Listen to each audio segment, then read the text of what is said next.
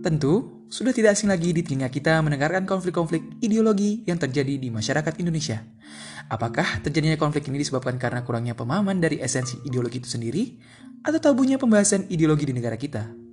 Lantas, bagaimana kita menyikapinya?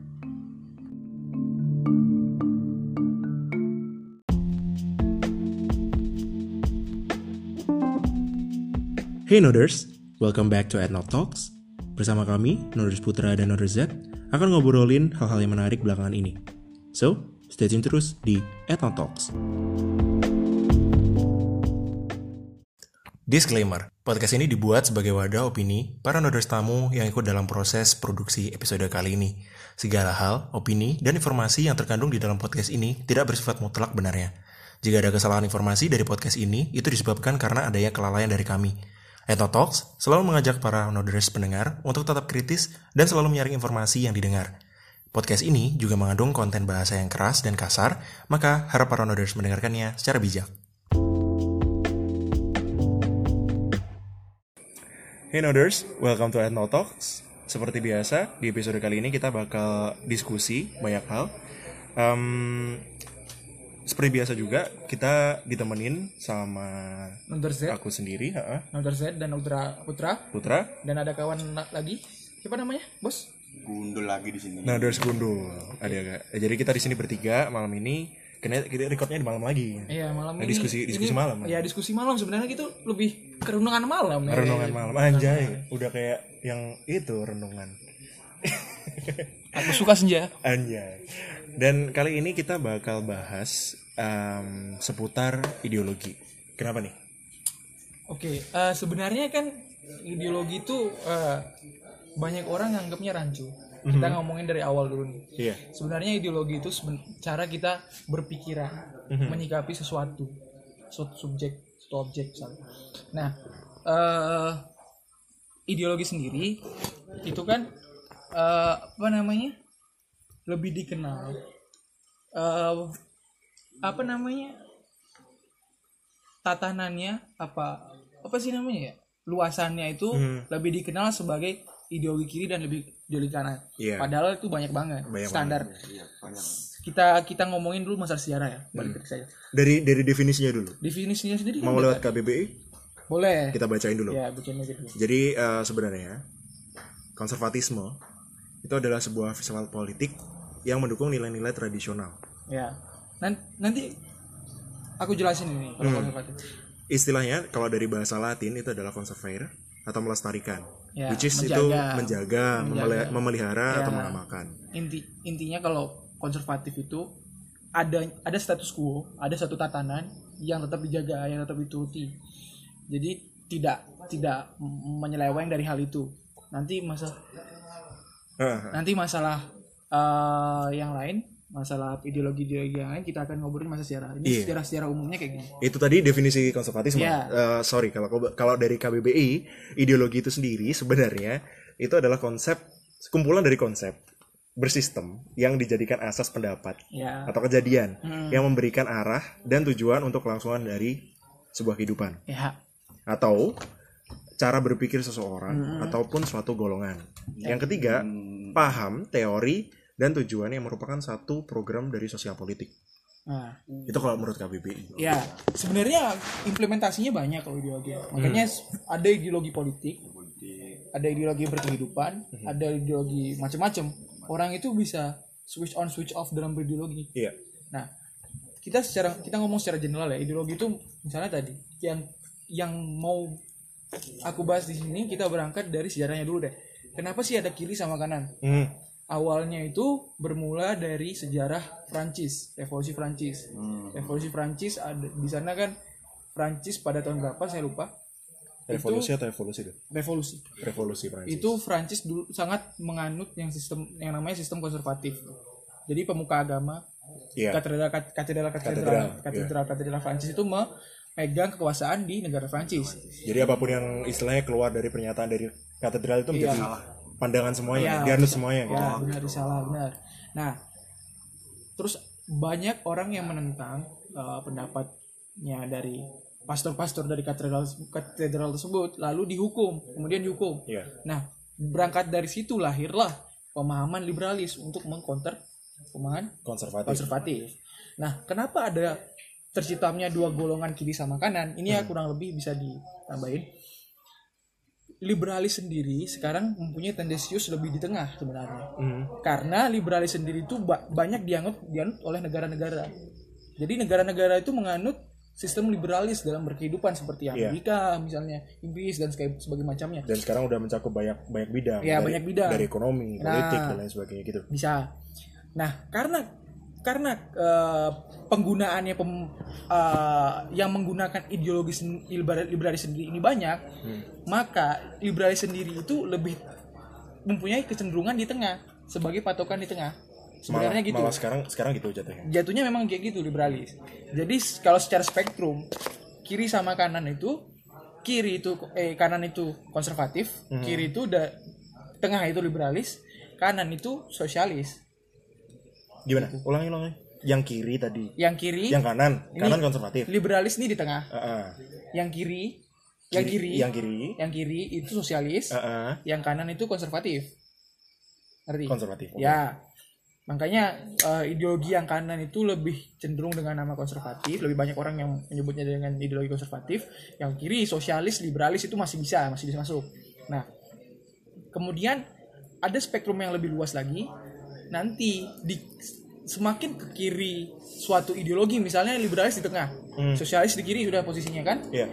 Semakin ke kiri itu semakin ekstrim berarti ideologinya, semakin menerapkan ideologi sosialis. Misalnya Oke. misalnya gini so ideologi liberalis itu sudah mem- mem- mem- membawa topi uh, kesetaraan gender misalnya di di sosial sendiri itu me- kesetaraan antara buruh sama Eh, Eh, employer. ya pro, pro- kaum proletar sama kaum kaum uh, apa? Marginal misalnya. Nah satunya lagi eh kaum proletar sama kaum burjois misalnya memper, me- mempersetarakan itu. Satunya lagi misalnya komunisme. Komunisme semakin ke kiri semakin tidak adanya kelas class action. Tidak adanya class action tidak adanya eh, dalam suatu tatanan masyarakat itu ada kelas nggak ada. Jadi semua itu rata. Semua itu rata. nggak ada Itu yang bangsawan nggak ada yang anu nggak ada darah biru apa segala macam nggak ada yang kaya nggak ada yang miskin. Udah sama rata. Semuanya sama rata. ya itu berarti semakin ke kiri semakin ekstrim ke Ke lebih komunisme. komunisme. Nah Sosialis semang- ya. semakin ke kanan misalnya konservatif itu konservatif itu definisinya sendiri kan konservatif itu konserv konservasi dari berangkat dari bahasa konservatif Ya, melindungi menjaga Menjaga. Nah, konservatif sendiri itu lebih melindungi, menjaga, mematuhi status quo, ketetapan yang ada sudah ada ketetapannya itu tetap ya tetap kayak gitu aja gitu. Misalnya contohnya kayak sistem monarki. Ya udah monarki. Ya monarki aja, udah raja-raja aja. Raja raja aja, rakyat jelata raja jelata Ya, aja, budak ya. budak kaya gitu ya. Ya, misalnya kayak gitu, konservatif kayak gitu. Nah, semakin ke kanan itu semakin eh ekstrim. Ekstrim Contohnya ada yang namanya nativisme. Kita berangkat dari kata natif, Hmm. orang asli. Orang asli. Nah, tapi banyak orang dalam ideologi ini mis misleading, miskonsepsi, uh, misunderstanding gitu kan. Sebenarnya nativisme itu berangkat karena natif itu bukan representasi dari orang asli daerah tersebut, Hmm. tapi orang kulit putih yang Just- menduduki oh. pemerintah. Jadi gitu. Nah, Orang-orang di di mana tuh berarti? itu banyak kasusnya di Amerika, Hmm. di Australia, di negara-negara besar yang masih me- mementingkan eh, apa mem- mempunyai suatu privilege terhadap suatu race, suatu, suatu bangsa, suatu ras gitu misalnya. Hmm. Seperti white people sama black people ya itu kita sudah tahu semua lah sejarah-sejarah kayak gitu. Hmm. Nah, itu nativisme itu sekarang orang-orang banyak kan misleading karena berangkat dari epiloginya natif gitu ya. Orang lebih mengertinya itu sebagai orang orang-orang daerah tersebut yang memegang kekuasaan, padahal tidak.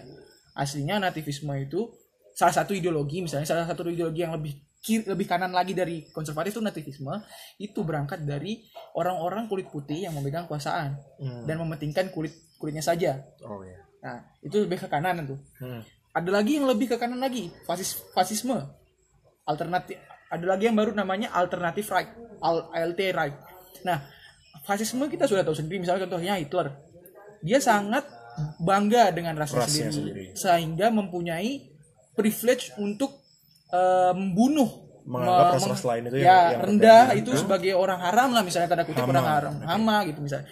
Sehingga halal dimusnahkan. Nah itu semakin kanan semakin kayak gitu. Intinya semakin kanan itu semakin menganggap status quo itu sebagai privilege sebagai sema- sebagai apa ya keistimewaan nah semakin ke kiri itu semakin tidak ada namanya privilege. Semakin tidak adanya eh, namanya suatu ke, ke- ketatanan suatu hierarki gitu nggak ada. Nah gitu ya? ya merata. Nah berangkat dari situ kita pengen omongin masalah ideologi. Apa sih problematikanya ideologi di Indonesia itu? Nah kan ini hal yang tabu nih. Hmm. ideologi sendiri itu kan sebenarnya spektrumnya luas itu Iya. salah tadi yang kita yang aku ngomongin itu sebenarnya salah satu contoh aja sebenarnya itu Iya. bisa jadi banyak banget ideologi Hmm. ada yang namanya baru sekarang progresif Emang, semi, semi emang dari generalnya itu tadi ya, Ya. kiri dan kanan, Ya. dan tengah. Mm-mm. Ini kita ngomong masalah uh, ideologi berkehidupan ya, lebih kehidup, berkehidupan ya. Nah, ada yang semi konservatif, progresif, neokonservatif, neoliberalis, ada segala macam itu ada banyak. Nah, yang jadi masalah sekarang ketika kita ngomong ideologi itu kan menjadi hal yang tabu nih. Nah, gimana sih kita enaknya menyikapi hal tersebut? Gini gini, kalau bahas masalah sesuatu yang tabu kayak terutama di society kita sekarang ya. Ya, Kalau menurutku itu ada andilnya sama yang namanya pertama kali kita dengar dari kata ideologi. Kita pertama kali dengar kata ideologi dari mata pelajaran apa tuh? PKN bukan sih? ya. Eh, maksud aku aku tanya nih, nyambung apa enggak? Soalnya kalau aku kalau, kalau menurutku sendiri, Hmm, eh, kebanyakan dari sekarang kita itu tabu menganggap ideologi itu sebagai eh, aku yakin banyak dari kita tuh nggak ngerti nih secara general oh ternyata eh, masalah ideologi itu dari dari asalnya kayak gini dari ada sisi kanan dari konservatif tengah liberal terus eh, ada sisi kiri dari yang apa tadi? Sisi kiri liberal, sosialis, Eh, sosialis, liberal kom- sosialis ya. eh, Yang yang, kanan tadi yang konservatif, itu. kan kita nggak pernah tuh dapat pelajaran kayak itu dari Ya. dari dari sekolah dari Kita sekolah ada, kita cuma dijelasin bahwa ideologi itu ini cara definisi. Ya, terus benar. ideologi ideologi kita bla bla bla bla bla pancasila Ya. dan sebagainya. Ya, menurutku itu jadi tabu karena nggak uh, ada. dari waktu itu juga aku secara pengalaman pribadi juga ngerasa uh, ada yang waktu itu cuma digelontorin dari sejarah kita sendiri gitu. Ya. jadi nggak nggak nggak kita dikasih pelajaran tentang oh sebenarnya ideologi itu kayak gimana. Entah itu entah itu karena sebenarnya terlalu berat untuk dikasih ke anak-anak SMP dan Hmm. SMA atau emang ada ada emisi tertentu dari zaman dari zaman pembentukan mata pelajaran kita sendiri gitu kan Ah, ya. jadi jatuhnya tabunya karena di sejarah kita sendiri kita punya pengalaman sama sisi kiri tuh sama yang namanya komunisme Ya, apalagi dengan sejarah kita nih ya. Hmm. Waduh. Nah, jadinya kan istilahnya uh, kita tuh selalu diarahkan untuk ya udah bisa bisa nggak sih kalau dibilang selama ini kita diajarin untuk jadi konservatif dari ideologi Pancasila itu sendiri bisa nggak sih? Sebenarnya kan eh, kalau masalah Pancasila ini masih banyak perdebatan ya. Kita Hmm. kita nggak bisa bilang itu suatu ideologi apa suatu konsensus. Banyak yang bilang itu konsensus, ada yang bilang ideologi. Intinya yang selama yang aku rasain selama ini di penerapan Indonesia itu ideologi kita tuh ambang-ambang, nggak jelas. Lebih cenderung di tengah progresif. Kita itu tidak mengikuti yang kiri, tidak kita tuh tidak mengikuti yang kanan. Udah di tengah-tengah aja. Di tengah-tengah aja. Iya di tengah-tengah aja. Nah yang jadi masalah adalah ketika keresahan-keresahan orang-orang ini me- mewakili ideologinya tuh dianggap tidak eh, misalnya tidak nasionalis. Ada lagi ideologi nasionalis nih, Hmm. tidak nasionalis bilang dia lebih cenderung ke agama. Ada yang lebih cenderung kebebasan. Nah dianggap tidak nasionalis. Kenapa sih kayak gini nih? Nah benar tadi kata eh, Noders Putra memang di Indonesia sendiri dalam masyarakat Indonesia sendiri tidak ada pemahaman dalam berideologi. Nah, menurut aku sendiri ideologi itu muncul alamiah, sifatnya alamiah. Alamiah. ya? Ya, karena semua orang tuh punya latar belakang, semua orang itu punya cerita jalannya masing-masing sehingga orang itu terbentuk dengan latar belakangnya, dengan keresahannya, jadinya orang itu outputnya ya berdasarkan latar belakang orang tersebut. Tergantung dari eh, cerita jalan hidupnya, pemahamannya, pembelajarannya apa aja. Nah, itu kayak gitu. Nah, yang menjadi concern lagi adalah ketika banyak orang di Indonesia, masih banyak kawan-kawan kita yang tidak bisa bertoleransi dengan ideologi-ideologi Ideologi orang. lain, nah, gimana sih kita menyikapinya? Nah, menurut noders-noders nih gimana sih kira-kira? Enggak, aku pengen nanggepin kenapa kok uh, selama ini kita sulit banget bersentuhan sama ideologi orang itu karena mungkin karena emang kita dari dulunya emang dikasih tahu kalau ya udah ideologi kita sebagai berbangsa untuk uh, sebagai orang Indonesia ideologi kita itu harusnya Pancasila bla bla bla. Dan ideologi selain itu itu membahayakan. Ya, bisa Bisa bisa bilang gitu gak sih? Bisa, bisa kayak Karena gitu. emang dari dulu kan kita dapat narasi Ya. seperti itu kan. Ah. Dok- dogmanya aku bilang bisa bisa bilang Dogma. dogmanya. Dogmanya itu lebih kayak gitu, benar. Tapi eh, ini mohon di anu ya disangka bisa yang aku lihat secara implementasi itu nggak nggak bisa kita definisikan orang itu berideologi pancasila Hmm. karena memang ideologi pancasila itu nggak nggak lebih ke kiri apalagi ke kanan nggak kita tidak bisa menciri-cirikan ideologi pancasila itu seperti apa nggak bisa ya ideologi pancasila ideologi pancasila ideologi konservatif ideologi konservatif ideologi ideologi liberalis liberalis. Bisa jadi antara pancasila konservatif dan liberalis itu sudah dua hal yang berbeda. Ah, dari yang aku ngomongin awal tuh udah udah nggak masuk. Ide pancasila itu dalam spektrum itu nggak udah, udah masuk. Nah sebenarnya kebanyakan orang eh, pengamat-pengamat politik pengamat-pengamat masyarakat itu yang aku lihat mereka itu mengkarakteristikkan seorang melewati melalui spektrum yang aku ngomongin dari awal nah jadi yang aku lihat sendiri perspektif aku sendiri eh, memandang seorang itu ya melewati spektrum ideologi-ideologi yang aku bilang tadi. Jadi nggak mewakili ideologi Pancasila apa gimana karena memang ciri ciri-cirinya dari konservatif dan liberalis itu lebih jelas apa yang diperjuangkan, apa yang diomongkan, apa eh, pembawaannya apa sih, apa yang diperjuangkan itu kan. Nah, nah kemudian eh, implementasi di Indonesia itu sebenarnya banyak orang yang cenderung konservatif dan liberalis tapi orang kedua orang tersebut nggak mau disebut konservatif dan liberalis. karena takut itu jadi nggak bisa muncul Nah bisa jadi kayak gitu. tapi tapi kalau kalau dipikir sebenarnya kalau dari perspektif lain nih Ya. bisa juga kenapa kok uh, founding father kita memilih untuk menjadikan Pancasila itu sebagai dasar negara sebagai ideologi bangsa Hmm, itu ya emang karena istilahnya uh, kita kan banyak nih Indonesia itu kan luas ya. Indonesia itu majemuk Bineka Tunggal Ika ya Bas. Bhinneka Tunggal Ika itu ideologinya juga Iya. kan mungkin karena emang itu tadi karena kamu nyebut karena uh, kamu tadi kan bilang juga kalau ini- kalau sekarang juga itu orang-orang banyak nyebutnya Pancasila itu sebagai konsensus kan Ya. sebagai sebuah persetujuan dari founding father kita Mm-mm. uh, untuk menengahi masyarakat kita yang majemuk nih Ya. sempat terjadi juga kan kalau waktu itu sempat uh, Presiden Soekarno kan sem- sempat waktu itu membiarkan beberapa ideologi berkembang di Indonesia Ya. termasuk saat itu ada yang namanya Partai Komunis Indonesia juga Hmm. itu kan mereka punya ideologi komunisme Ya. terus dampaknya seperti itu terus sekarang uh, uh, setelah kejadian itu uh, kalau semua Jadi 30 S PKI ya guys. Iya. Se- setelah kejadian itu, Iya. itu tadi, Hmm. itu kan eh, kita tuh seakan Indonesia itu pengen amannya aja. Ya. Jadi nggak nggak dengan cara Nah. kita mengedukasi orang, Nah, kita mengedukasi siswa-siswa kita, anak-anak kita, Ya. itu biar paham oh ideologi seperti ini. Terus dikasih alasan sekalian, kenapa kok sekarang itu yang terbaik buat Indonesia itu Ini. adalah kita me- menerapkan ideologi Pancasila atau ideologi dari Bhinneka Tunggal Ika itu. Ya nggak ada. Uh, nggak ada komparasi lah juga. tapi dampaknya negatif ya itu jadi kayak uh, Kurang- bahkan kurang orang-orang itu jadi jadi menganggap ideologi itu sebagai pembahasan yang tabu gitu loh sebenarnya ideologi itu kan luas kalau kita ngomongin politik bersama itu tadi spektrumnya kan Ya. tapi sebenarnya dari dari pengertian ideologi itu sebenarnya basic ke orang-orang sendiri setiap orang itu pasti punya ideologi sendiri-sendiri gitu. Ya. kalau masalah berpolitik spektrumnya itu tadi Uh, bukan berpolitik sih berbangsa sebagai sebagai satu negara gitu gak sih Ya bisa bisa diklasifikasi kayak gitu. Hmm, bisa. nah, menurutku selama ini kita jadi takut itu ya karena emang ada kejadian itu terus akhirnya oh yang terbaik sekarang mendingan kita kasih tahu deh kalau ideologi itu ya udah kita gini gini aja Ya. Nah, ini ini buat eh, sebenarnya hal hal ini lucu menurut menurut aku lucu ya. Karena sebenarnya berangkat dari sini pun ini bakal ngimbas ke politik kita jelas. Hmm, Kelihatan misalnya kalau misalnya teman-teman ngamatin perpolitikan Indonesia, partai-partai di Indonesia itu nggak jelas arahnya ke mana, ideologinya ke mana nggak jelas. Apa yang mau dibuat kerasaannya nggak jelas.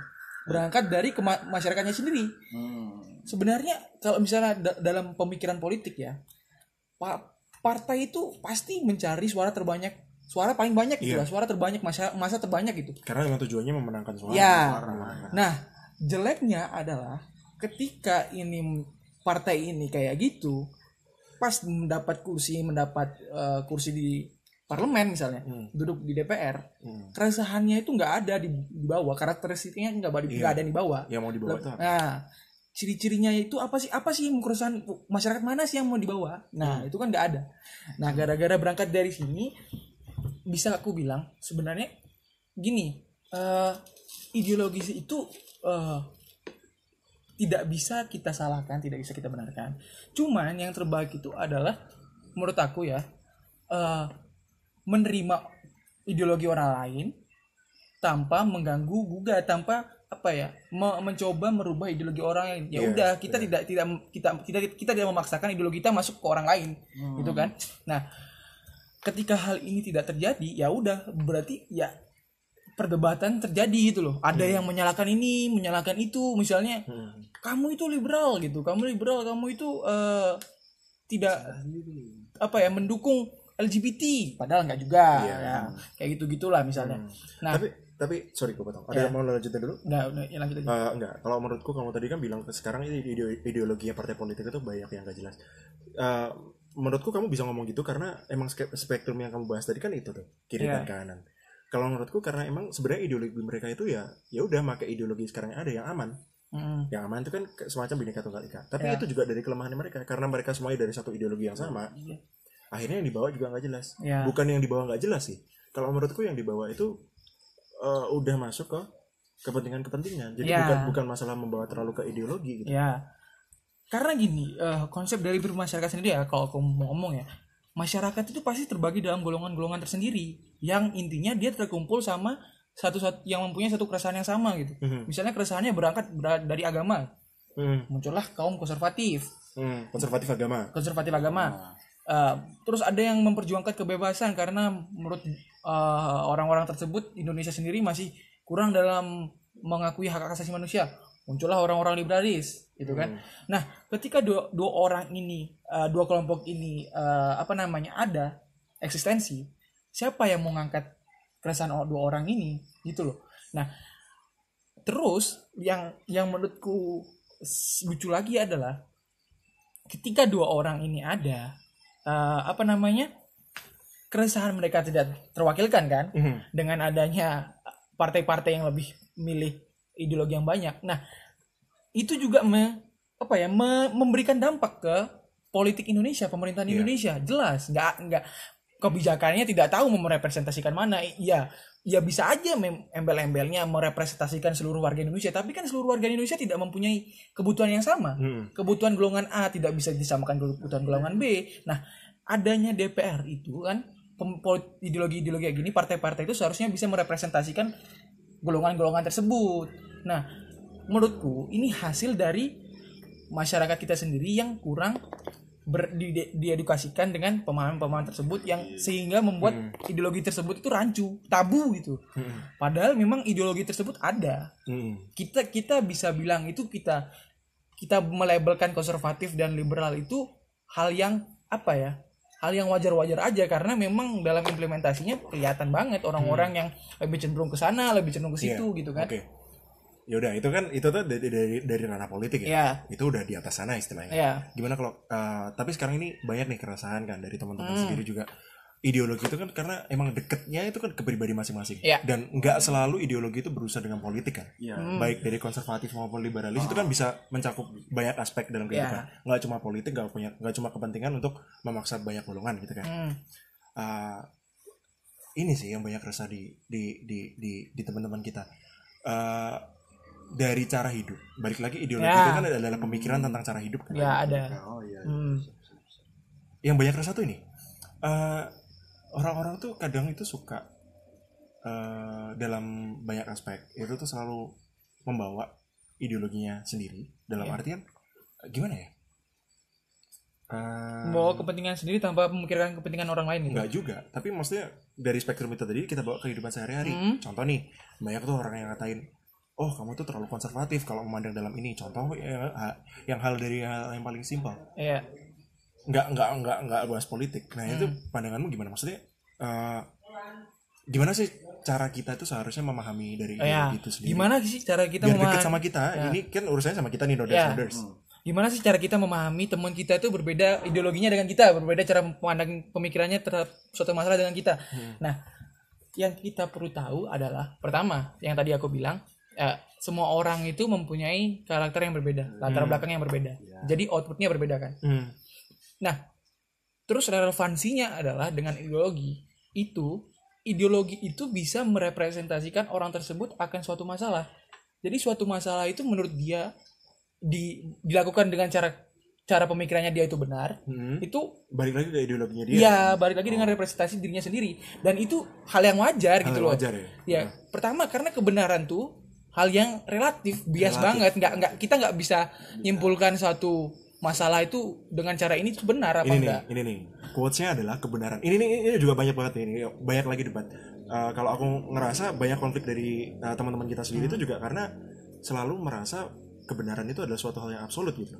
Ya. Menurut mereka punya definisi kebenaran sendiri absolut absolut diri. Itu itu nggak usah masalah bahas politik masalah apa pun. Ya. preferensi kehidupan simple pun juga mereka selalu beranggapan seperti Ya, itu. menurut yang- karena mereka juga kurang memahami ini nih. Definisi dari kebenaran. Nah karena begini. sebenarnya kalau kalian rasain nih noders coba deh kalian rasain uh, dalam kehidupan kalian yang namanya benar itu apa? Kalau kita dari belajar filsafat nih kalau kalian belajar filsafat teori kebenaran itu ada ada banyak gitu kalau quotesnya uh, yang waktu itu sempat dipopulerkan juga oleh ini si apa? Uh, ada apa? Assassin's Creed. Apa itu? Di di, di Assassin's Creed itu sempat Lagi sempat itu. sempat kesebut. Iya. sempat kesebut quotes itu. Everything uh, nothing is true. Everything is permitted. Hmm, tidak ada tidak ada segala sesuatu ini yang benar. Ya tapi segala sesuatu itu disetujui. Dibolehkan. Karena balik lagi kalau kita bahas ya. Tahu kan tahu kan? Tahu tahu tahu. kalau kalau kita bahas nih teori kebenaran itu banyak aku nggak aku nggak terlalu hafal cuma uh, kasarannya gini Uh, segala sesuatu itu benar itu ada beberapa alasan untuk suatu hal itu bisa dikatakan benar Hmm, Nah itu tergantung ke perspektif ideologi masing-masing. Ya. Contoh gini, uh, ada salah satu teori itu juga mengatakan teori kebenaran hal itu bisa dikatakan benar. Uh, yang sepemahamanku aku cuma ingat tiga nih. Hal itu bisa dikatakan benar karena satu dengan alasan yang bisa dibuktikan.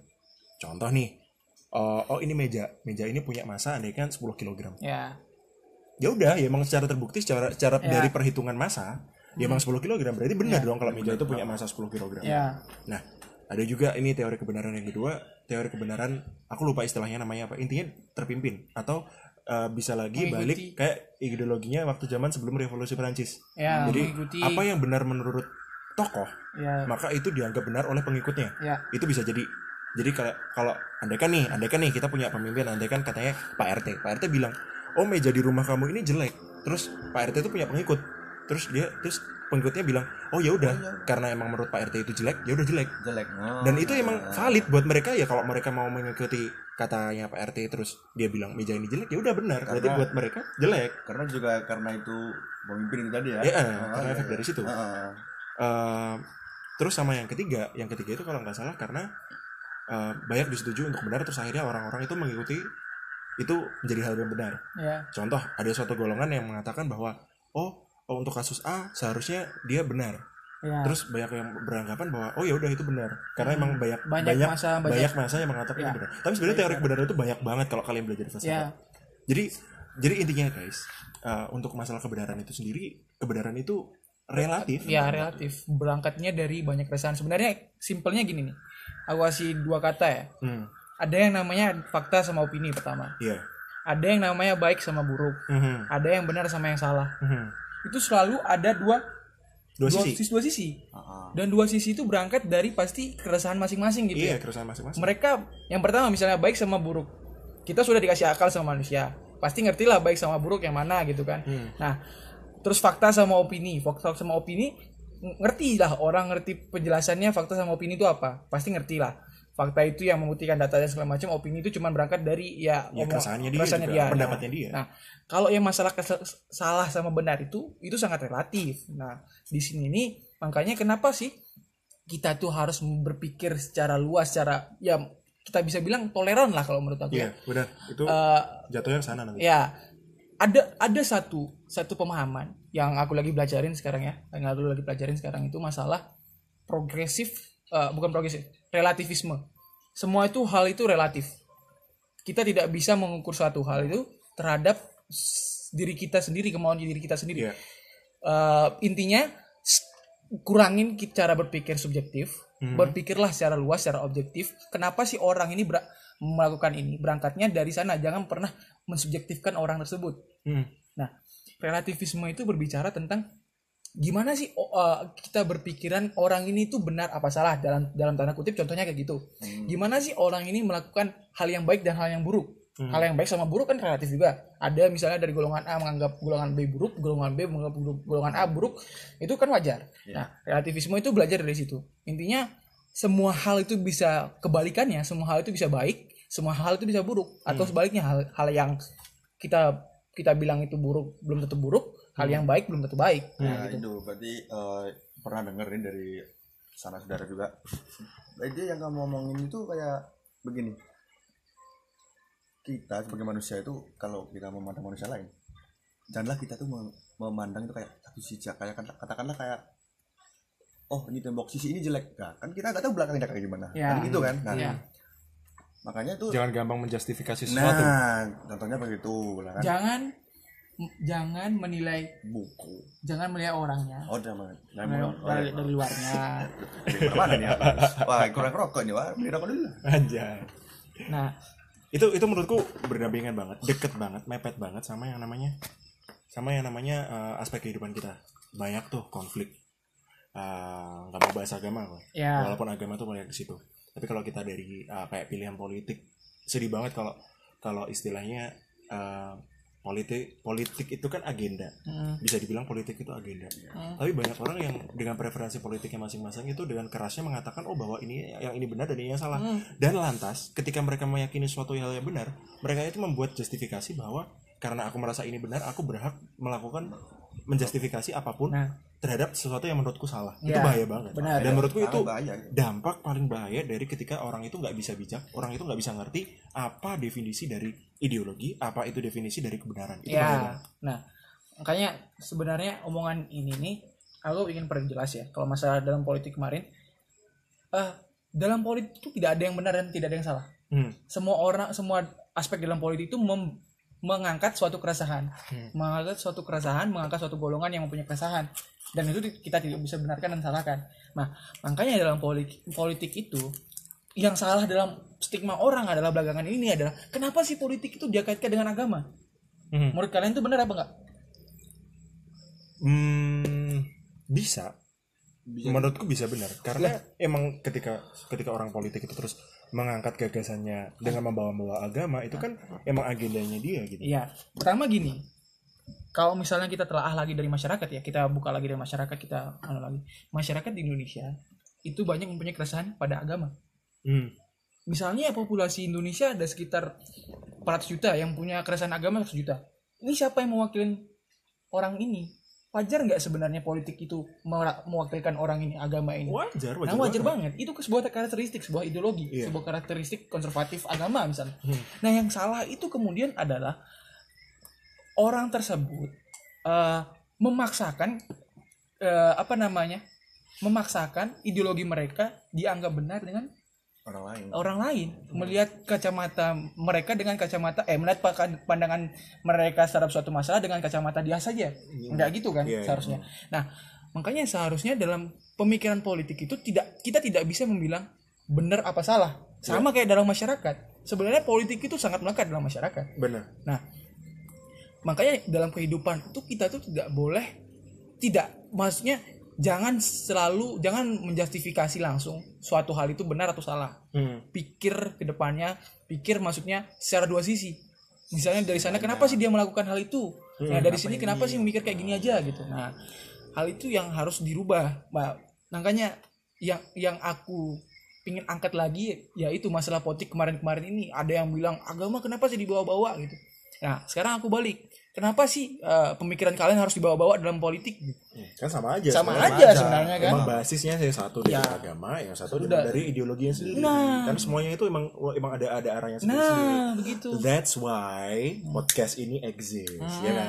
Emang uh, dari awal kan kita udah ngomong nih kalau Adnot ini kita emang niatnya kita nggak pengen membuat satu justifikasi terhadap suatu topik. Ya, kita nggak pengen mengeluarkan satu uh, satu solusi terhadap suatu masalah, unless itu benar-benar yang emang sudah uh, sudah sangat sa- sangat me- sangat sangat istilahnya nggak bisa nggak bisa nggak bisa ditolak lagi. Contoh ya contoh untuk masalah kesehatan, ya otomatis contoh nih kita udah kita- ada udah udah, udah ada ketetapannya udah ada ada kredibilnya ketetapannya. ada cara gimana Yang prosedurnya yang benar gitu kan Baka- bahkan membahayakan dari sisi kita sebagai manusia human Ya. being itu itu udah udah bahaya banget Ya. kita baru membawakan solusi tapi kalau untuk masalah pendapat kenapa kok kita agree to not disagree kenapa kok kita selalu berusaha mengundang banyak perspektif Ya. itu karena kita ing- pengen pengen berbagi ke kit- kita kita semua sebagai Ya. noders bahwa kita itu harus memperkaya perspektif kita gitu. Iya, gimana cara kita berpikir dari sudut pandang orang lain Iya. tentunya. Tapi tapi jangan salah artikan juga. Jangan kan banyak juga nih yang ngeluh katanya ya kalau kamu nggak kuat sama perspektif sendiri dan kamu selalu berusaha untuk eh, apa dengerin perspektif lain kan kamu jadi lemah gitu pandangannya. Iya Oh, enggak enggak, juga. enggak juga. Ya enggak juga karena karena emang basicnya ketika kamu me- mendengarkan perspektif orang lain tujuanmu adalah bukan untuk mel- melemahkan perspektifmu sendiri, Hmm. tapi kita juga mengerti oh kenapa sih orang itu seperti itu. Nah, itu juga bisa untuk menguatkan eh, perspektif kita sendiri juga. Dan Hmm. impactnya yang menurutku jauh lebih penting adalah itu bisa bikin istilahnya mengurangi perpecahan di antara kita. Iya. Itu yang paling penting menurutku. Nah, itu lucu tuh. itu menurutku yang paling penting. Nah, Ketika kamu udah ngerti perspektif orang lain, ya kamu bakal bakal istilahnya ja- jauh lebih mengerti orang lain dan kamu bakal mengambil sikap yang istilahnya juga tidak membahayakan seben- orang lain juga Iya. orang lain juga. sebenarnya ini aku mau bahas masalah topik satu topik yang benar-benar sangat-sangat apa ya?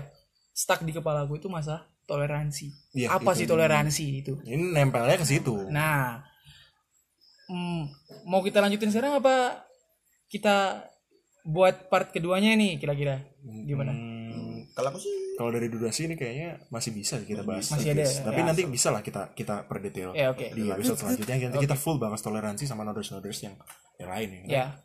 Oke, kita berangkat toleransi nih. Apa sih toleransi? Nah, Kita hubungin aja sama yang namanya ya, ideologi nih. ya. Yang menjadi masalah sekarang kan berputar sekarang ketika orang misalnya toleransi itu gimana sih cara mengimplementasikannya? Itu orang bingung kan. Hmm. Nah, sebenarnya toleransi itu spektrumnya juga luas gitu loh. Hmm. Nggak Ya. cuma masalah agama loh ya. Ya nggak masalah agama aja. Yang jadi yang jadi yang lucu adalah dikaitkan dengan agama terus nih. Nah sebenarnya, kenapa nih? nah toleransi sebenarnya itu kan kita tuh tidak harus mengganggu orang lain dengan kepentingannya sendiri. Udah, Iya. ya udah dia dia aja, aku aku aja lah gitu simpelnya kan. Tapi tetap beda sama yang namanya ignorance. Bukan. Nah bu- bukan, Beda. bukan. Kamu toleransi bukan berarti kamu ignorance. Nah, kecuali misalnya orang tersebut sudah mengganggu kamu, nah itu wajar kamu baru counter dia itu wajar. Nah, ketika orang itu tidak mengganggu kamu, dia tidak ngapa-ngapain, tidak meng- mengambil hakmu, dia dia ya aku aku ya nggak masalah gitu kan itu toleransi kayak gitu istilah simpelnya. nah ini nih Gimana? dari noders Z nih Gimana? kalau ini sebenarnya kan ada tuh di agama juga juga ada sebenarnya cuma Ya. itu kan nih dari saya berhubung saya Islam Hmm. itu kan ada dari kata Nabi Muhammad tuh di surat Al ah itu al lupa saya waduh Bentar, bentar. ini yang bahasa Islam apa apa ini Al-Kafirun. Al-Kafirun. Al-Kafirun ya, iya aduh maaf ya, ya saya begitu Lakum dinukum waliya. lakum dinukum wal yang mana Bukan al bukan. Wah, Ya apa lakum dinukum aliyadin. Iya, dia- Agamamu, iya, agamamu. itu agamamu. yang- Astaga memalukan ya sekali. Allah saya bagi Islam malu sebenarnya cuma ya itulah dari kutipan itu kita bisa Hmm. di bisa Iya. Al-Kafirun bukan sih. Ya udah itulah pokoknya. ya itulah pokoknya ada lupa nanti saya baca Al-Quran lagi lah Iya. ya. nah, itu dari lakum dinukum wal yang mana agamaku ya agamamu agamamu ya agamamu nah dari itu nggak ngomongin agama juga gitu loh dari Ya. mana katakanlah kalau oh aku ini begini terus kamu begitu Hmm. Ya udah Ya udah jangan jangan nggak usah di Nah. satu pautin gitu jangan, Kalau jangan ganggu satu Ah, sama lain. jangan ganggu. Poinnya di situ.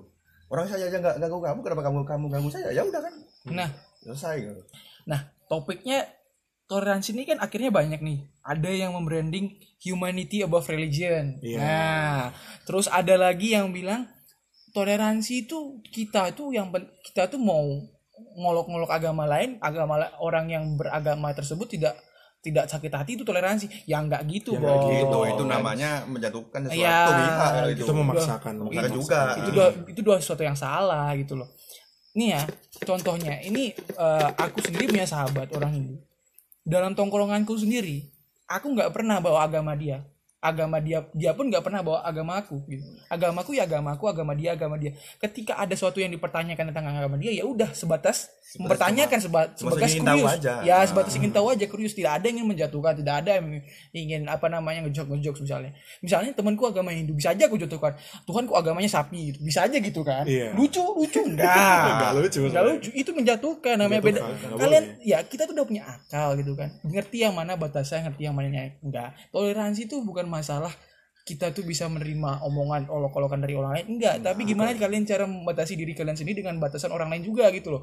Kita me- men- menempatkan diri dengan batasan kita terhadap pandangan orang lain dengan latar belakang yang orang lain. Itu loh toleransi. Iya. nggak usah membawa apalagi Gak usah bawa agama, bahas perspektif aja. ya apalagi ap- membawa pribadi-pribadi yang cenderungnya itu mengikat dengan suatu hubungan vertikal itu sudah nggak bisa kita tolerir tolerir. itu udah udah masuknya ke Ya, pri- privasi. privasi. privasi. Ini Nah. yang yang banyak ini kan kalau kita bahas agama ya toleransi beragama itu kebanyakan yang uh, kebanyakan orang melangkahi itu di ini masalah privasi. Ya. Agama itu deket banget sama yang namanya urusan privasi. Tapi ketika orang itu ya emang kita kita emang nggak bisa ngelak kalau emang di beberapa agama yang dianut di Indonesia itu juga uh, masing-masingnya punya ideologi sendiri. Ya. masing-masingnya punya uh, keinginan untuk bahwa mengatakan bahwa dirinya benar. Ya tapi benar. that being said kita nggak bisa dong kalau mengatakan bahwa terus kita bisa ber, ber- bisa bertindak Bertindak semena-mena untuk istilahnya memaksakan orang lain Ya. untuk bisa mengikuti agama kita juga itu Ya. juga nggak bisa. Itu salah satu implementasinya sih. Hmm, kata kuncinya itu jangan pernah memaksakan diri anda untuk orang lain. Nah, nah ini ini nih pernah ada kasus nih. Gimana? Masalah tadi yang Norwesi katakan yang memaksakan orang lain itu ya. Hmm. katakan lagi nih ada sebuah kasus seorang itu eh, katakanlah dia menganggap itu kayak oh ini hidup. nah menganggap menganggap itu karena ka- sep- eh, aduh ngomong aja gugup ya Allah. Ini. Menganggap kayak satu hal itu buruk katakanlah oh daun itu jelek katakanlah kayak gitu. itulah contohnya. Nah lalu ada orang lain gitu loh. Yang mana itu kalau ini daun tuh ya nggak apa-apa kenapa ya dari daun daun aja lah itu ada yang yang tidak setuju karena daun itu jelek itu kamu tuh harus lihat itu daun itu jelek gini gini gini gini intinya memaksakan opininya ah gitu Nah. Hmm. masalahnya adalah dampaknya itu di orang yang di yang dituju tadi kayak daun Ya, itu jelek diserang. Ah, ah. Nah, orang yang diserang katakanlah itu dia tidak pernah kayak menyentuh dia yang itu. Nggak terima. Nggak terima. Terus tiba-tiba kok ada orang lain lagi gitu. Katakanlah kayak ya itu tadi. Orang satu menganggap itu jelek yang satunya nggak tahu yang diserang kan ini. Nah. Terbawa gitu. Terbawa jadi ya kayak menyerang satu. yang Jadi ini konflik. Ah, ah, sebenarnya yang ini tahunya cuma ini. Ya. oh kirain kayak Iya, oh iya. ya udah orang itu aja kan ya udah. Yang satu taunya A terus tahu itu, taunya A. yang satunya taunya B tiba-tiba yang yang diserangnya kok tambah kok kok ada lagi orangnya kok ada lagi ada lagi lagi terus kan itu oh di- yang diserang yang yang kasihan bro ya hmm, begitu itu Nah, makanya kan yang seharusnya terjadi dalam negara demokrasi itu biarkan orang berpendapat tanpa membatasi pendapat mereka gitu. benar Membatasi pendapat itu sama dengan apa ya? Percuma gitu or- orang itu hidup terus kalian membatasi pendapat mereka gitu. bukan demokrasi Bukan demokrasi. Sedangkan eh, apa ya? Kalau kita lihat eh, dari lima sila Indonesia sendiri itu semuanya itu sebenarnya ter langsung nyangkut ke masalah demokrasi gitu. Gimana hidup di berindonesia itu dengan cara demokrasi. Hmm. Nah, dari kasus yang dibawa Nodas Gundul tadi, nah itu kita jadi bisa jadiin pelajaran gitu. Sekarang itu gimana sih cara kita bertindak yang lebih baik, gimana cara kita melakukan uh, pendekatan-pendekatan yang lebih baik, berkomunikasi yang lebih baik dengan Iya. kawan-kawan, walaupun kawan tersebut berbeda pikiran dengan kalian gitu loh. Hmm. Kri- Berbe- ber- kritis ini enggak sih krisis krisis apa eh, kemampuan untuk apa ya menginterpretasikan pendapat orang ke pendapat kita bisa jadi kayak gitu. Cuma sebenarnya bukan menginterpretasi, kalau menurutku lebih me- me- menerima, menerima lebih krisisnya ke agree to not disagree-nya. hmm. Jadi biarkan orang itu berpendapat dengan itu, kita berpendapat dengan kita. Tidak tidak tidak ada hal tidak tidak ada suatu hal yang harus kita paksakan. Mhm. Biarkan jalan seperti itu. Nah, a- apa kesalahan dan kebenaran itu relatif. Hmm. Gimana cara kita menyikapinya adalah dengan cara ya menghormati satu sama lain. Ya Iya. udah. tapi tetap ketika menghormati orang lain itu terus eh, ketika kita ini kan membicarakan gimana caranya kita bisa menghargai orang lain Hmm. dari toleransi dengan cara kita mengerti eh, basic dari macam-macam ideologi itu gimana? Ya, terus basic dari macam-macam orang itu dari teori kebenaran orang itu bakal relatif ya, ya kan? Nah itu bakal impactnya adalah tentang gimana kita bersikap gitu kan? Ya, jadi jadi itu tadi. Jadi gimana gimana caranya uh, kita ini saling belajar tetap terus belajar, Belajar untuk bisa uh, memperkaya perspektif dari kita. Ya. tapi bukan berarti terus kita nggak punya perspektif Ya. terus hanya ikut-ikutan. Nggak punya Enggak juga. ideologi, nggak punya ideologi jati diri. bagi setiap orang itu penting. Ya penting banget. Ketika kamu punya pandangan terhadap satu orang itu penting. Tapi harus kamu pahami juga kamu nggak bisa memaksakan ideologi kamu terhadap orang ya lain apalagi tanpa melakukan terjadi secara natural. Eh apalagi sampai melakukan tindakan Yang represif. represif. Represif. Represif. Represif bukan persuasif ya persuasif pendekatan. Iya, ngapain pendekatan? Pendekatis. Eh, anjay. Mau cari pacar emang? Anjay. Makanya ya intinya kita kita kita sama-sama belajar. Hmm, sama-sama belajar. Ya saranku memperkaya literasi memperkaya pen- cara berpendapat dengan orang. Banyak-banyak ngobrol lah pokoknya. Banyak-banyak dengan orang ngobrol gimana caranya ngobrol. Kata kuncinya itu tuh. Eh, banyak juga keresahan sekarang itu ketika orang diskusi. Hmm. kan punya ideologi yang kuat-kuat nih. Ya sebenarnya orang-orang Indonesia sebenarnya punya ideologi yang kuat-kuat. Ya walaupun asalnya dari mana nggak jelas ya tapi punya ideologi yang kuat. Ya. tapi yang menjadi masalah adalah mereka kurang satu mendengar. Ya itu menurutku Hmm, banyak terjadi banget di ini, sekitarku. ini, iya, iya, iya. banyak banget orang yang males untuk mendengarkan orang lain. Bener. mendengarkan itu bukan berarti kamu harus menerima pendapat ah, dari orang lain. benar. Tapi kamu mendengarkan itu adalah kamu memahami dia. Jadi ketika kamu pun berdebat ketika kamu pun berdiskusi ketika kamu pun berusaha untuk mencari satu solusi itu kalian utamakan untuk bisa mendengar orang lain Ya. sebenarnya dari dari dari SD pun kita udah diajarin untuk, Hmm. untuk toleransi pertama itu kita harus mendengarkan orang lain Ya. Mendengarkan pembicaraan orang lain menghargai orang lain jangan memotong pembicaraan orang lain Jangan secara terpaksa guru ke murid gitu kan Hmm. nah. benar ya banyak kasus nih Nah, aduh, ah, banyak malas sih ngomongin ini Oh, udah, bang, jangan- udah masalah itu udah udah beda lagi udah Aduh, Udah, jangan udah, lah. udah, Nanti lah, udah, nanti lah. nanti lah Nanti lah.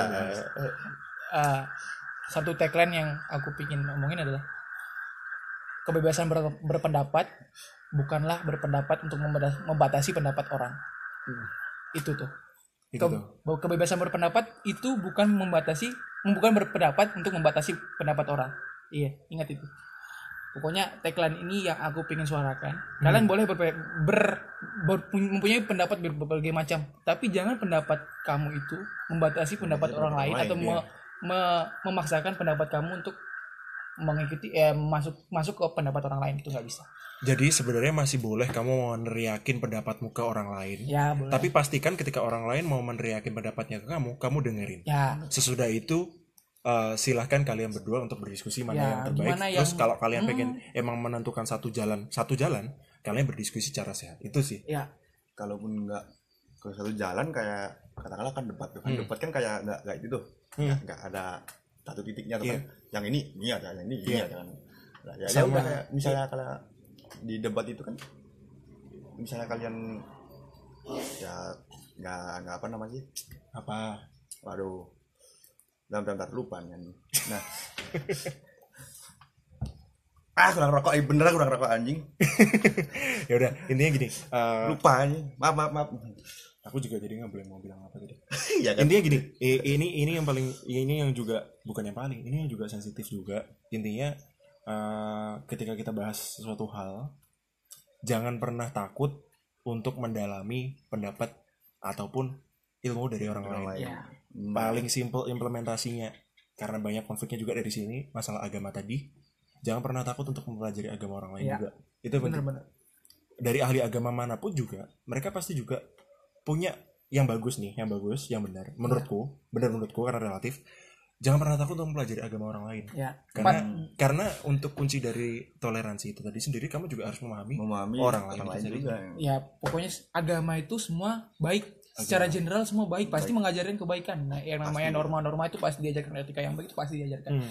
nah gimana cara kita menyikapi agama-agama lain yang mempunyai spesifik khusus untuk mentreat sesuatu itu? Hmm. gimana caranya kita mempelajari itu agar kita tidak melewati barrier Batas, border? barrier, border. nah itu gimana cara kita bertoleransi? Aku ngerti emang dari beberapa agama itu, termasuk agama kita sendiri itu emang ada ada ajaran bahwa intinya kalau bisa kita uh, memperluas dari agama kita sendiri. Ya. Dalam artian mengajak orang lain untuk beragama sesuai agama kita. Hmm. Semua agama itu juga ada seperti itu. ya pasti ya pasti Karena semua agama itu mempunyai taraf kebenarannya masing-masing, Ya. punya ideologi kebenarannya masing-masing. Cuma yang harus kita pahami adalah setiap pembicaraan itu berbeda. Dalam artian uh, ketika kita membicarakan nih masalah persatuan, Hmm. kalau kita membicarakan masalah persatuan, nggak bisa kita maksain masalah oh agama yang paling benar punya aku karena Oh, ya. emang menurutnya dari kitabku kalian harus mengangkut ketuhanan Ya. itu sih konsepnya seperti ini. ya nggak bisa kalau dalam konteks kalian berbicara masalah persatuan ya kalian harus coba coba memposisikan diri kalian agamaku emang agamaku agamamu agamamu ya kalau kita kalau aku ambil dari kuat Ya. dari agamaku tapi kalau memang kita dalam lagi pembicara dalam agama kalian ya itu udah hak, Udah hak masing-masing Nah. jangan jangan campur adukin Nah. satu sama lain Nah. itu yang bikin konflik sekarang Nah, ini aku angkat ya. Sebenarnya ini yang yang menarik adalah semua semua omongan itu mempunyai wadahnya masing-masing. Iya. Nah, ketika kalian mengomongkan masalah agama, agama kalian di depan muka umum itu suatu yang salah, bukan bukannya hal yang benar gitu. Maksudnya tidak tidak proper gitu. Karena muka umum itu masih banyak orang yang ber, ber- apa ya, mempunyai agama yang berbeda-beda. Berbeda. Nah, ketika kalian mempunyai omongan agama ini di dalam wadah agama kalian sendiri, misalnya majelis dalam agama Islam, itu sah-sah saja karena kalian dalam satu wadah yang sama dan itu hal yang privasi, nggak bisa diganggu gugat gitu kan. Nah, nah ini yang kita harus pelajarin juga, gimana cara kita memposisikan diri kita Posisikan sendiri. diri. Wadah semua semua tem- sebuah wadah itu punya uh, topiknya masing-masing, relevansinya di masing-masing. Jangan mencampurkan wadah A dengan wadah B. Iya. Jangan membajur. tapi sebenarnya ada yang masih bisa dikoreksi nih dari omonganmu Gimana tuh? Ah, kamu tadi kan ngomongin tadi jangan membicarakan agamamu di depan publik yang mungkin berbeda. Oh, iya. Itu masih ada beberapa klausa yang harus dipenuhi. Iya. Dalam artian nggak apa-apa kalau apa- emang kamu emang membuka diskusi umum. diskusi- Jadi kamu bukan- mempersilahkan orang untuk datang dan Nah, ya berdiskusi benar itu nggak apa-apa. Om omonganku tadi aku disclaim ada bumper sedikit ya, bukan masalah aku mem- mempersalahkan diskusi tadi ya. Hmm. Yang yang yang disalahkan adalah ketika kalian mem- mempunyai tindakan represif Iya, mengenai yang- omongan yang- agama itu yang meng- menyuruh orang lain itu mendengarkan kalian. Kalian kalian berbicara di muka umum tentang ideologi dari agama Anda. ya Ada agama kalian, para Ya. mothers, itu nggak apa-apa. apa-apa. Yang salah adalah ketika kalian memaksa orang untuk mendengarkan Nah. dan mengikuti Nah. ideologi dari kalian. Balik lagi ke masalah Nah. dari awal. Nah, kon- konsepnya bisa bilang kayak gini ya. Sebenarnya ini lebih mudahnya kayak gini. Eh ustadz, suatu ustadz misalnya mengkafirkan seseorang, Hmm. itu itu pasti ranahnya dalam wadah masjid aja. Majah masjid. iya. Masjid aja kan nggak boleh Nah, keluar. nggak boleh keluar itu Nah, yang kesalahan sekarang Nah, ketika misalnya dari agama sebelah, misalnya Kristen, Hmm. menganggap agama lain itu sebagai domba yang tersesat, ya dia omongannya Iya, emang wadahnya di, di, wadahnya di situ. di sekitar gereja aja, dalam Iya. majelisnya mereka aja. Nah, ketika omongan itu terluar kan itu yang menjadi masalah gitu loh. Toleransi yang kayak gitu-gitu itu yang kita harus pelajari lagi. Nah, ini juga yang harus dilajar, dipelajari sama noders kalian nih.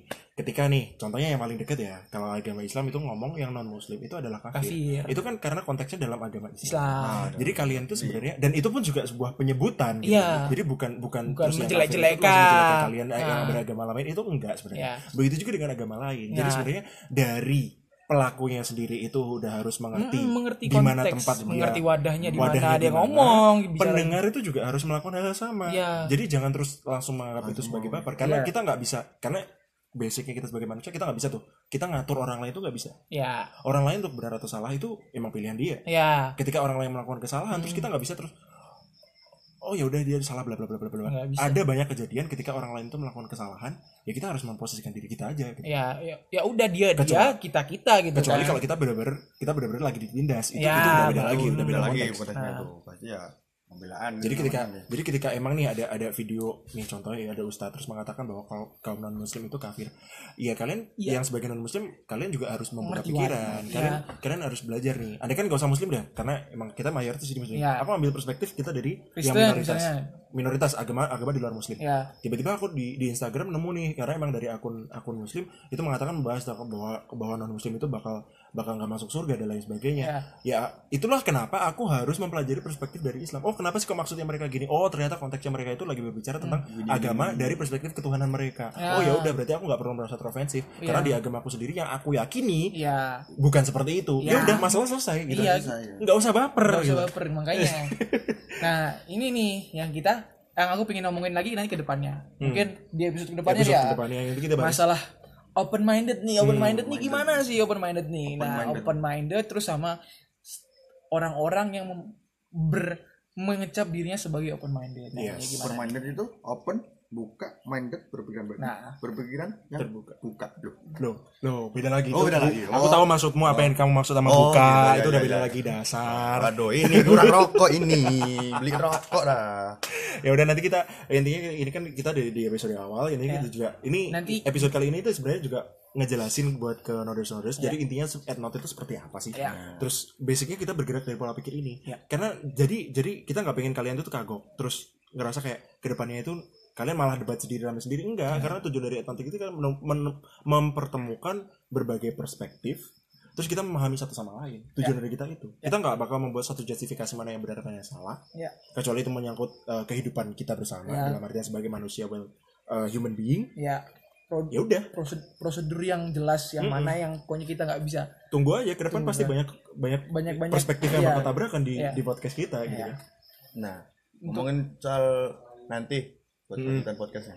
Misalnya nih, Mm-mm. kalau aku diundang, rokok dong. anjir Asia Ah, siap. Asia. ya udah bantuin cari rokok spon- ini. bantuin cari sponsor Iya, aduh, kalau itu mah ya. Waduh. ya, ini siapa ini yang mendengar ini? kepada Tolong terhormat sponsor-sponsor yang sekiranya ingin menyponsori kita binomo kejauhan kejauhan anjing Apa nih, Pak? Richard the Legend? kejauhan kejauhan anjing kejauhan Surya Alan serius bener Surya Alan Sur- Surya Jana Surya Alan pokoknya Mas Surya Alan Surya Jana Alan Surya Jana itu udah beda Gak usah jauh-jauh deh, gak usah jauh-jauh. ngapain bawa branding orang lain anjir Iya.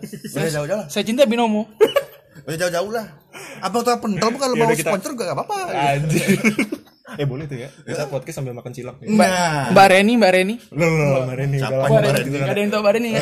Udah. Next kita bakal ngomong sama Mbak Reni. aja. Hashtag yang tahu-tahu aja. Ya udah gitu dulu buat podcast podcast uh, kita kali Mungkin ini. bu- bu- buat gini lah, buat uh, buat hin aja nih. Prakata, Hin. prakata. Bukan prakata, hin dulu, hin dulu. Oh ini nih. Bakal banyak omongan-omongan yang menarik menurut kita. Hmm. Karena salah satunya mungkin kita bakal ngomongin superiority. Superiority. superiority. Ya, ini menarik nih. bakal banyak anak-anaknya nanti nih. Banyak yang bakal tersinggung ini nanti. Nah. Pasti dengerin. Terus kita bakal ngomongin masalah secara kesehatan psikologis mental illness mental illness Hmm. Mental yang illness. ada yang bener-bener menjadi edgy gara-gara mental Edgy gara-gara mental illness, terus sok-sokan sad boy gitu sedikit kan eh, sedih-sedikit terus dia ngerasa kayak dia tuh sad boy gitu kan Hmm. terus ya banyak lagi eh, masalah-masalah yang kita ngomongin ini Tunggu, pokoknya stay tune terus di at noto. pastinya Oke, thank you, Noders. Bye bye. yeah.